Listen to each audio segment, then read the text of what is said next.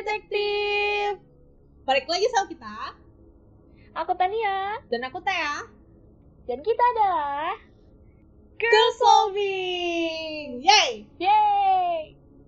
Nah, hari ini lo mau bahas apa? Aku mau bahas kasus di Jerman nih. Wah, besar banget dulu kasusnya tahun 1920-an namanya Hinterkaifeck Farm. Hah? Apa? Pertanian. Oh, pertanyaan. pertanian Hinterkaifeck gitu. Oh, emang ini udah lama ya? Mm-mm. 1920. Iya, lama nih. Mm-mm. Belum lahir jelas. Ya, jauh banget. Sumpah. Kasus ini tuh mind blown banget. Terus kayaknya harus dikasih peringatan deh di bagian awal kasus. Soalnya nanti aku bakal ngasih tahu tentang kayak korban-korbannya gimana. Oh, maksudnya gitu. kayak uh, explicit content karena agak apa Iya. ya? Keras gitu ya. Iya. Ya, Oke. Oke, Nah, gimana tuh ceritanya? kita mulai aja. Ya. Hinterkaifeck Farm berlokasi di dekat hutan di luar kota Bavaria, Graubünden, sekitar satu jam berkendara dari Munich dan setengah mil dari kota Kaifeck. Itu adalah rumah dari Victoria Gabriel yang berusia, berusia 35 tahun dan kedua anaknya, Cazilia yang berusia 7 tahun dan Joseph yang berusia 2 tahun. Serta orang tuanya yang sudah lanjut usia, Andreas 63 tahun dan Cazilia Gruber 72 tahun. Keluarga itu dikenal tertutup, namun, para tetangga semakin khawatir pada tanggal 1 April 1922 ketika Sazilia muda bolos sekolah dan seluruh keluarga tidak datang ke gereja tempat Victoria menjadi anggota paduan suara. Sazilia kemudian bolos sekolah lagi pada tanggal 3 April dan saat itu surat mereka mulai menumpuk di kantor pos tempat. Pada 4 April, tetangga memutuskan untuk menyelidiki dan Lawrence Schlittenberg seorang petani yang tinggal di dekat situ memimpin rombongan pencarian. Di gudang, regu pencari menemukan empat mayat yang babak belur dan ditutupi jerami. Di dalam rumah, mereka menemukan mayat Joseph yang berusia 2 tahun dan pembantunya Maria Baumgartner. Itu adalah hari pertama Maria bekerja. Pelayan sebelumnya telah mengundurkan diri karena mengatakan bahwa rumah itu berhantu. Penyelidik menyimpulkan bahwa si pembunuh memikat empat korban ke gudang secara satu persatu dan menumpuk mayat-mayat keluarga itu di atas satu sama lain dan menutupinya dengan jerami.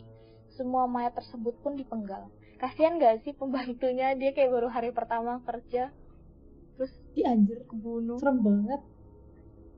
Beruntung banget gak Itu- sih apa pelayan yang Itu Heeh. mengundurkan diri? Kayak iya, iya. karena dia takut berhantu dia ngundurin diri besoknya ada yang meninggal. Serem banget anjir. Tapi kayak langsung tiba-tiba gitu. Mm-mm. Kayak tiba-tiba mereka hilang kan, terus kan orang-orang kayak kenapa nih kok satu keluarga tiba-tiba Hilang. nggak ikut gereja iya, terus anaknya tiba-tiba bolos terus, kan biasanya masuk kayak gitu. Anjir serem banget tiba-tiba kayak Iya. nggak ada dari Mana semua dipenggal. Iya, eh. Emang kenapa? Nah, nggak tahu. Makanya nih jadi unsolved. Oh. Nah, Nah, terus Terus habis itu senjata pembunuh itu ditemukan setahun setelah pembantaian ketika pertanian dirobohkan. Peternakan telah digeledah secara ekstensif dan unit K9 juga digunakan. Meski begitu, mereka tidak menemukan senjatanya pada tahun 1922. Senjata itu diidentifikasi oleh George Siegel, seorang buruh tani. Siegel telah membantu selama masa panen dan menyatakan kepada polisi bahwa dia tahu secara langsung bahwa Gruber yang membuat cangkul itu sendiri. Jadi kayak eh, alatnya tuh tahu nggak sih buk- bukan cangkul yang buat eh, sawah, Sawah. itu loh. tapi Oh, tapi dia kayak buat mining itu loh yang kayak buat apa sih kalau misalnya di tahu kurcaci Snow White gak sih kalau misalnya dia mau mining gold gitu loh yang dia Oh. lancip. Heeh, heeh, tahu tahu. Nah, pakai itu Eh, K9 itu apa? anjing. Oh, alah. Aku dia mikir K9 apaan ya? Ternyata aku kira tuh kayak tempat gitu loh atau unit persatuan apa gitu. anjing. yang Lo, yang buat nyium-nyium. lo kenapa inget ngendus juga ya betul? Contoh, contoh. Nah, Oke, terus terus habis itu Siegel juga menjelaskan bahwa cangkul itu disimpan bersama peralatan pertanian lainnya di gudang perkakas. Setelah mayat keluarga Gruber dan pelayan mereka ditemukan, seorang dokter melakukan otopsi di gudang tempat empat dari mereka dibunuh dengan kapak. Ya, tahu kan kapaknya yang lancip itu yang tadi aku bilang. Mm -mm. Nah, kemudian dokter pengad dokter pengadilan mengangkat kepala keenam korban tersebut yang menurut laporan dikirim ke Munich untuk pemeriksaan lebih lanjut. Diduga tengkorak para Grubers dan pembantunya juga diberikan kepada para peramal sebagai upaya untuk mengetahui lebih jauh tentang pelaku atau yang telah melakukan pembantaian brutal tersebut. Jadi kayak tahu lah tahun 1920 masih Hmm. kayak percaya dukun gitu kan. Hmm. Ini kepala ya Pak ya. Tolong siapa yang bunuh Pak? Sebentar saya sembur dulu. Huh. Sambur aja gue kira pakai yang apa? Ada apa sih? Bola yang di itu. Bola kaca. Iya itu. Kepala deketin lagi Pak. Terus Entah kenapa, tengkorak para korban disimpan di Munich, maka keluarga Gruber dan pelayannya Maria Baumgartner dimakamkan tanpa kepala. Jadi kayak tengkoraknya tuh disimpan di Munich terus gak dikembaliin gitu loh. Jadi kayak mayat-mayatnya tuh akhirnya dimakamkan tanpa kepala semua headless. Nah, Loh. Tapi mm, oh berarti buat kepalanya itu buat eh, kayak apa sih namanya barang ya investigasi. ya oh Enggak, investigasi. Kayak apa sih apa sih? Tan barang bukti apa nah sih? barang bukti. Tapi kenapa tubuhnya enggak? Maksudnya kan iya nggak sih? Nggak tahu. siapa tahu mereka Nggak tahu diracun kan? Tapi kok dipenggal? siapa tahu diracun dulu Oh, bisa jadi. Nah, sebenarnya itu tadinya tengkoraknya tuh mau dikembaliin, tapi menurut ya berke- berwenang, tengkorak tersebut hilang setelah pergolakan disebabkan oleh Perang Dunia II dan tidak pernah ditemukan. Jadi dikasih ke Munich buat diinvestigasi. Ternyata WW2 ada nih perang. Habis itu hilang kepalanya, ya udah dimakaminnya nggak pakai kepala. oh gitu Mbak, nggak guna banget sih kerjaan mereka kayak they only had one job. Iya. Tolong dong, itu kepala orang gitu loh. bisa bisa hilang Ya ampun. terus terus Nah, kemudian hasil dari otopsi korban pun akhirnya dijelaskan sebagai berikut. Yang pertama, Azilia Gabriel, putri Victoria Gruber. Rahang bawahnya hancur, cedera serviks karena shock, cedera kepala parah, tengkorak dihancurkan dengan beberapa pukulan dan lehernya menunjukkan luka melintang yang menganga lebar. Di sebelah kanan wajahnya ada luka melingkar, wajahnya berlumuran darah, dan di jari tangan kanannya yang kaku ada potongan rambut. Eh, ya, tapi kok eh, cedera maksudnya dia shock kenapa bisa cedera cervix tuh Nah itu, nanti aku kasih tahu. oh, oke oke Nah, Razilia Gruber, istri Andreas Gruber. Lebam di dekat mata kanan, tujuh pukulan di kepala, tanda-tanda pencekikan, tengkorak retak.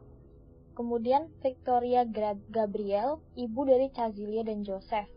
Ada sembilan luka berbentuk bintang di kepala, nggak tahu ini gimana caranya berbentuk bintang. Terus bekas pencekik bekas pencekikan di leher, sisi kanan wajah dihancurkan dengan benda tumpul, cedera bulat kecil dari alat runcing di tengkorak bagian atas, tengkorak pecah. Maria Baumgartner, pelayannya, dibunuh dengan pukulan melintang di kepala, wajah berlumuran darah, satu luka di kepala sedalam 4 cm dari cangkul tajam. Joseph Gruber, putra Victoria Gruber, terbunuh karena pukulan keras di wajah, bagian atas kereta dorong keranjang bayi hancur. Andreas Gruber, suami Cazilia Gruber, bagian muka kanan remuk, tulang pipi menonjol, terdapat luka robek, muka berlumuran darah. Nah, Victoria dan ibunya menerima serangan paling banyak di kepala mereka. Juga, mereka tampaknya menjadi satu-satunya dengan tanda pencekikan dari leher. Hmm. mungkin Gitu. anu kali ya eh, si Victoria sama ibunya ini karena mereka melawan gak sih kak umur Mm-mm, ya gak sih Bisa. Mm-mm, jadi mereka kayak dapat Hmm. banyak gitu pukulannya mm-mm. Terus habis itu apa yang Joseph itu yang berdua tahun sama pelayannya Maria itu dibunuhnya tuh di dalam rumah gitu loh. Jadi empat orang ini, empat orang ibunya sama kakek neneknya sama kakaknya yang umur tujuh tahun itu Cazilia itu tuh mayatnya ada di gudang sedangkan yang pelayan sama Joseph yang umur 2 tahun tuh di rumah Jadi Maria dibunuh di kamarnya, si Joseph tuh dibunuh di itunya apa keranjang bayinya gitu di kamarnya. Hmm. Terus dari hasil otopsi ini, penyelidik menemukan Cazilia muda memiliki gumpalan rambut di tangannya dan botak di seluruh kepalanya. Mereka menyimpulkan bahwa dia telah merobek rambutnya sendiri. Pihak berwenang berteori bahwa gadis kecil ini mungkin tidak langsung mati karena luka-lukanya. Cazilia mungkin telah mencabut rambutnya sendiri saat dia berbaring, ketakutan dan sekarat di samping mayat ibu dan kakek neneknya di gudang selama beberapa jam. Kayak gitu, Teh. tapi bisa aja loh kayak dia tuh di, ditarik pakai misalnya rambutnya diseret diseret tapi yang ditarik rambutnya gitu loh Mm-mm. Bisa, tapi katanya kan karena uh, jenazahnya si Cazilia ini kan dia kaku tangannya tuh ada rambutnya gitu loh. Jadi kayak dia sendiri yang jambak seolah-olah kayak stres gitu loh. atau dia jambak uh, anunya yang apa penjahatnya Tapi dia yang botak. itu Oh. di tes DNA-nya itu emang rambut Oh. dia.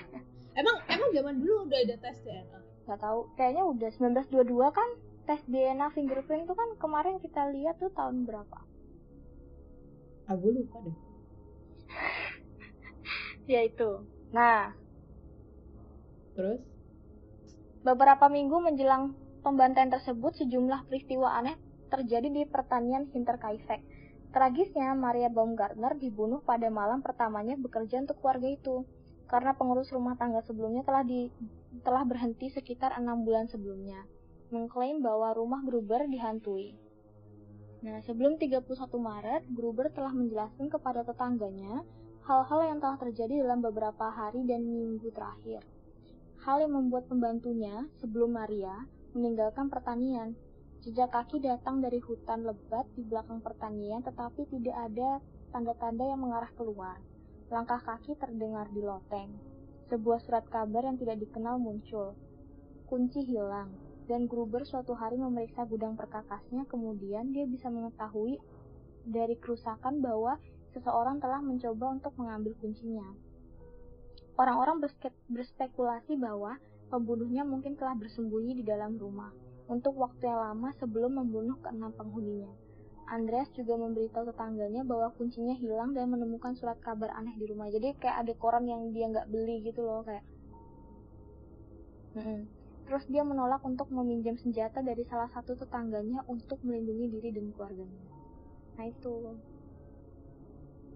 Jadi pembantu yang pelayan yang sebelum Maria itu dia mengundurkan diri karena dia berhantu kan padahal kayak ada orang asing yang hidup di atap kayak hidup di atas rumah mereka itu loh yang kayak di atapnya ternyata soalnya ada orang kayak orang jalan ada kayak tiba-tiba barang-barang nggak pada sesuai dengan tempatnya hilang kunci kayak gitu. Tapi kok anu ya tahan ya tidur di atap ngapa-ngapain di atap gitu. psikopat gimana sih? Nggak tahu juga. Kenapa bisa kayak gitu? Ba- Terus? Nah, terus? Pembunuh tadi mau ngomong apa? Tapi dia berapa bulan sih? Enam berapa bulan kira-kira dia di atap minggu sih lebih ke minggu kayak satu dua mingguan sebelum pembunuhan. Serem juga ya jadi dia kayak ngeliatin gerak-gerik kita dari atap ih terus? Makanya pelayan yang dulu tuh takut Hmm. gitu kayak dia merasa diawasi setiap saat ngomongnya hmm, Pembunuhan tidak terdeteksi selama empat hari hingga 4 April 1922.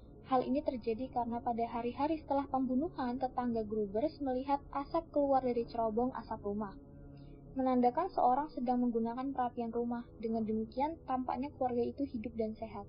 Selain itu, hewan ternak diberi makan dan seseorang bahkan berusaha payah memerah susu sapi. Polisi juga menemukan seseorang baru-baru ini makan makanan di rumah keluarga, menyebabkan mereka menyimpulkan bahwa pembunuhnya tidak hanya tinggal di rumah setelah membunuh enam orang, tetapi juga melakukan tugas sehari-hari seperti menyiapkan makanan dan memelihara pertanian. Polisi awalnya mencurigai para gelandangan atau laki-laki keliling lainnya yang bereputasi buruk, tetapi menolak teori ini setelah sejumlah besar uang ditemukan dalam rumah. Psikopat banget gak sih kayak dia tuh nggak punya hidup sebelum gimana bunuh sih? orang? Gak selalu selalu banget gitu kan kalau orang bun abis bunuh orang gitu kan takut ya. Atau misalnya dia kabur kan. Enggak dia kayak santai. Dia ngurusin dia ngurusin ternaknya. Aneh banget sih ini. Dia kayak ngurusin tugas rumahnya loh. Kayak bersih bersih dia emang slow banget ya hidupnya. Tapi ya tapi uangnya itu uang apa? Uangnya punya Gruber ini keluarga Gruber. Kan kalau pertanian tuh kan mereka kayak nyimpen duit kan. Nyimpen duitnya tuh di dalam rumah. Nah uangnya tuh nggak diambil gitu loh.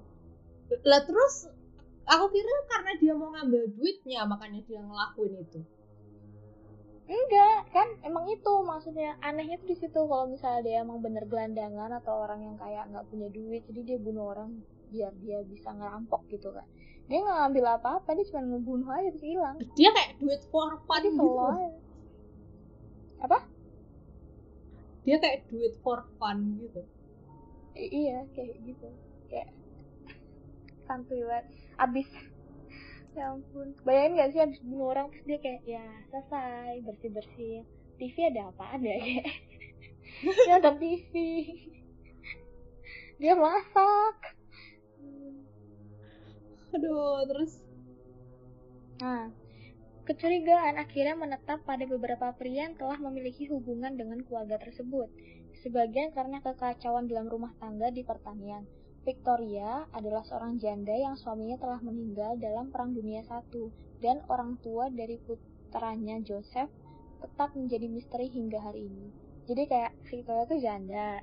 Jadi nggak ada yang tahu anaknya yang Joseph ini tuh anak siapa. bapaknya gitu. siapa Bapaknya siapa. nah, rupanya tujuh tahun sebelum penduduk pertanian Hinterkaifeck dibunuh dengan kapak, Andres dan Victoria dihukum karena incest pada tahun 1915. Jadi sama bapaknya sendiri loh, oh Andres Gruber.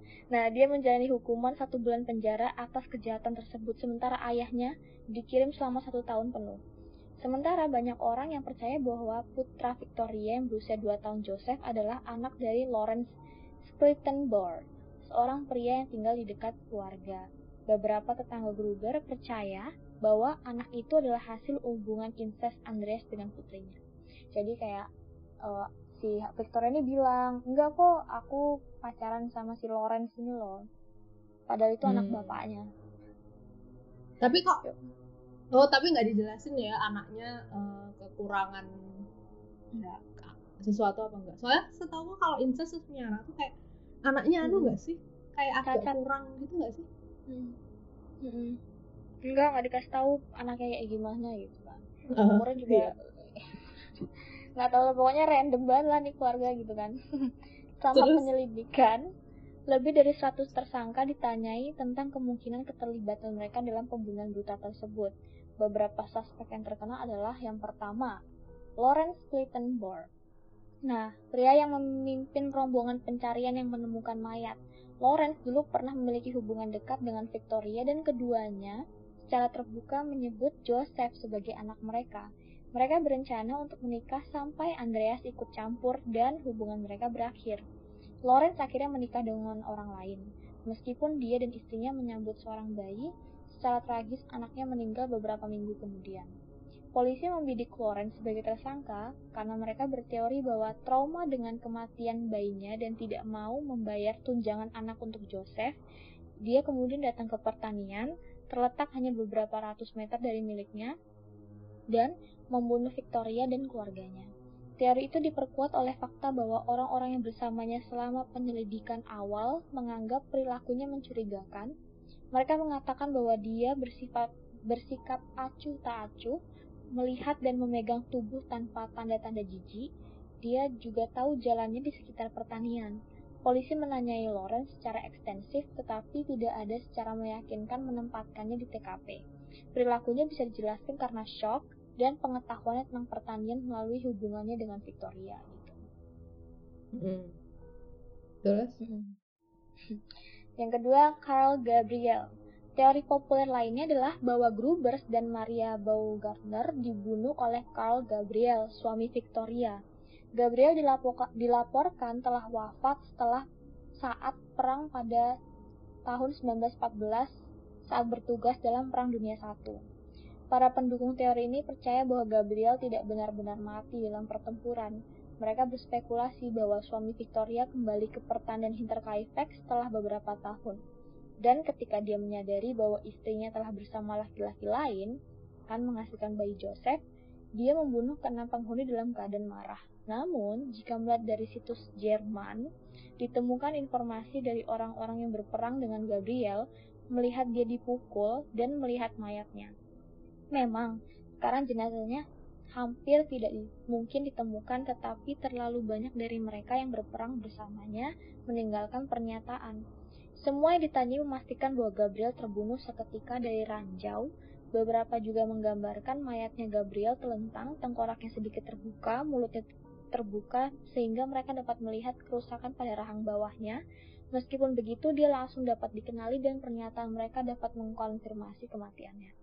Jadi ada teori yang ngomong kalau misalnya mantan suaminya si Victoria ini yang bunuh mereka gitu kayak he just faking his own death di perang gitu. Padahal dia hidup. itu teori yang paling aneh sih. Iya. Yeah. Nah, terus yang ketiga adalah Andreas Gruber. Teori lainnya mengatakan bahwa Andreas sendiri yang membunuh keluarganya sebelum dirinya juga bunuh diri. Kecenderungan Andreas juga melakukan incest dan pelecehan sering dibahas di kota tetangga. Konon, Andres memiliki anak lain dengan Cazilia selain Victoria. Tapi dialah satu-satunya yang selamat dari kekerasan tangan hingga dewasa. Dan tidak ada luka pada tubuh yang dapat dijelaskan sebagai tindakan yang dilakukan sendiri. Jadi tidak mungkin kejahatan tersebut adalah pembunuhan bunuh diri yang dilakukan oleh Andreas. Jadi tadinya dikira tuh si bapaknya sendiri yang bunuh keluarga terus dia bunuh diri. Tapi emang susah gak sih? Iya, Iya kan, susah kan. Maksudnya walaupun dia adalah orang yang abusive gitu ya, dia udah nggak abuse istrinya, udah nggak abuse anaknya, anaknya, sampai anaknya meninggal, tinggal Victoria aja. iya, nggak tahu diri bapak itu ya. nggak, tapi itu nggak bisa. Menurutku nggak bisa gak sih. Bisa bunuh diri sendiri gitu loh. Uh -uh. Caranya menggal diri sendiri gimana tuh? iya kan sakit banget kan, nggak mungkin gitu loh nggak bisa langsung lepas gitu loh dalam satu hempasan ngekapak diri sendiri. Oh, oh benar-benar nah hanya satu hal yang dapat dinyatakan dengan pasti kejahatan tersebut telah dilakukan oleh seseorang yang mengetahui jalannya di sekitar pertanian sebagaimana dibuktikan dengan pemeliharaan yang berkelanjutan setelah pembunuhan kebrutalan kebrutalan pembunuhan menunjukkan bahwa mereka telah dilakukan oleh seseorang yang memiliki dendam pribadi terhadap satu atau beberapa anggota keluarga. Hmm, jadi orang-orang, jadi suspeknya orang yang tahu tentang pertanian, orang yang punya dendam. Nah, hmm. pada tahun 1999, seorang wanita tua menghubungi pihak berwenang, mengeklaim bahwa mantan pemiliknya mengakui memiliki informasi tentang pembunuhan di Hinterkaifeck.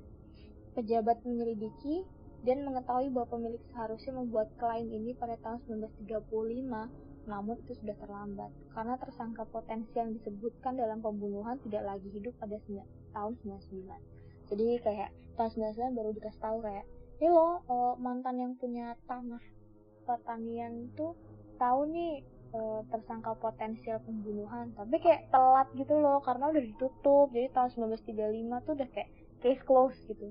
99 hmm. udah nggak bisa lagi. Ya. Ya iya lah udah jauh banget lagian. Orangnya kayak kalau sembilan eh kalau sembilan belas dua puluh udah gede ya sembilan sembilan pasti udah nggak ada lah.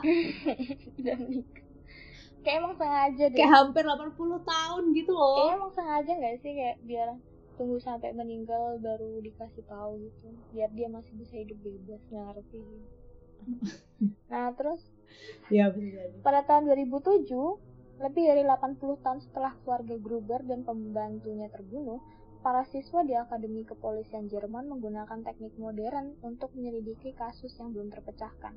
Para siswa mengesampingkan semua kecuali satu tersangka yang mereka yakini melakukan pembunuhan di pertanian Interkaifeck. Namun, Tersangka pembunuh sudah mati, jadi mereka tidak secara terbuka menyebutkan nama orang yang menurut mereka bertanggung jawab atas pembantaian itu, untuk menghormati kerabat tersangka yang masih hidup. Dan pada tahun 1923, pertanian Hinterkaifeck dihancurkan dan tubuh peringatan untuk para korban diletakkan di tempatnya. Selesai. Jadi kayak gitu. Hmm. Jadi kayak Jadi ya, eh berarti sebenarnya udah ketemu sama si para siswa Akademi Polisi Jerman ini. mm, kayaknya tuh udah ke-solve dari tahun 99 gitu loh. Terus dianalisis lagi sama siswa-siswa yang di kepolisian ini. Terus kayaknya emang udah solve, cuman nggak dikasih tahu publicly gitu loh karena kayak wah orangnya aja udah meninggal. Terus masa cucu-cucunya yang kayak ngemban dosa-dosa kakeknya dulu gitu kali ya. Kakek atau nenek lah. Oh, buyut sih kan udah coba soalnya. Oh iya bu ya. gitu. Oh. Tapi menurut lo siapa? gue nggak tahu deh kayaknya tuh em, mungkin gue nggak tahu sumpah kayak tiga suspek yang paling terkenal tuh kayak tiga tiganya aneh gitu loh bapaknya sendiri nggak mungkin bunuh diri kayak gitu terus kayak suaminya udah meninggal tiba-tiba dibilang dia yang Hidup lagi. dia bilang hidup lagi terus kayak tetangganya kita tetangganya tuh cuma pengen bantuin kali ya allah sedih banget Iya. Aku juga nggak nggak tiga tiganya sih. Nggak aku nggak milih sih nggak bisa karena kayak ya nggak ada yang nggak ada yang eh, gimana ya nggak ada yang oke gitu loh dijadiin. Mm-mm. Aku juga bingung, nggak tahu deh ini mereka tuh milih siapa ya. Tapi juga keluarganya tuh random nggak sih kayak, maksudnya si Victoria ini loh, semua tuh suspek ber berotasi di hidup Victoria gitu loh. Iya karena eh ya itu kan Incest, in- Yola bapaknya, I mean the father surely like dia pantas untuk mati sih. Udah abusive. Terus incest. Sumpah kasihan banget ibunya anjir ya Allah. Kasihan banget. Kayak tapi dulu tuh Suamiku. kekurangan keku- kekurangan anu kok apa kayak ya kurang ya mungkin pelajaran tentang kayak gitu-gitu kayak maksudnya kayak sex education gitu-gitu masa kurang kurang ya palingnya sama pelayannya gitu kan ya. Ini sama anaknya sendiri dong. nyampe ya artinya Kayak suamiku selingkuh dengan anakku. Jadi sinetron. Hmm. tapi Eh, tapi ya memang kenapa ansos karena emang susah banget sih maksudnya ya gimana Hmm. anjir Mm-mm. Terus juga emang bapaknya tuh nggak itu po, nggak apa ya, nggak ada rasa pengen tahu gitu loh. Misalnya rumahnya nih, biasanya nggak apa-apa, tiba-tiba ada jejak kaki yang kayak ngarah ke dalam rumah tapi nggak ada jejak kaki keluar. Itu kan berarti ada orang masuk kan. Terus dia masih belum keluar dari rumah. Terus kunci kunci rumah hilang, kunci perkakas gudang hilang. Terus kayak di atas tuh kayak orang jalan, ada koran nggak jelas. Kok nggak nggak cari tahu gitu loh siapa tahu itu uh, ulah anak-anaknya gitu-gitu loh dia mungkin masih berpikir positive thinking. Terlalu positif thinking ya. Terus parahnya lagi pembunuhnya kan peralatan dia bunuh pakai peralatan punya keluarga Gruber ini kan kayak kayak dia tuh datang tangan kosong gitu loh. Bener-bener nggak ada effort dia datang aja asal tenaga badan dia datang tinggal di situ seminggu dua minggu ngebunuh terus tinggal di situ lagi. Ya Allah santuy banget. Pembunuh paling santuy. Iya. Bisa bisanya loh makan se. Maksudnya kayak I know ya misalnya dia Hmm. punya dendam gitu ya. Tapi tuh dia masih taking care of their Ya. animals gitu loh. Sapinya masih dikasih makan kambingnya masih kan dikasih menurut makan. dia uh, hewannya tuh nggak salah kan. Jadi tetap dikasih makan gitu loh. Kasian ngakak banget itu tuh maksudnya tanah pertanian di luar negeri kan yang luas itu kan ya teh yang berhektar-hektar kali yang tanahnya luas yang kalau misalnya sama tetangga tuh beberapa meter. Jauh banget. Ja- iya kan jauh banget social distancing banget kan mereka. Bayangin kalau misalnya farmnya tuh mepet-mepet terus dia nyapu bersih-bersih. Eh eh apa kabar? Kayak tetangga kayak kayak nggak pernah lihat tetamu kali ya. Ya kali kalau kayak gitu langsung mungkin- ketahuan makanya. Tidak.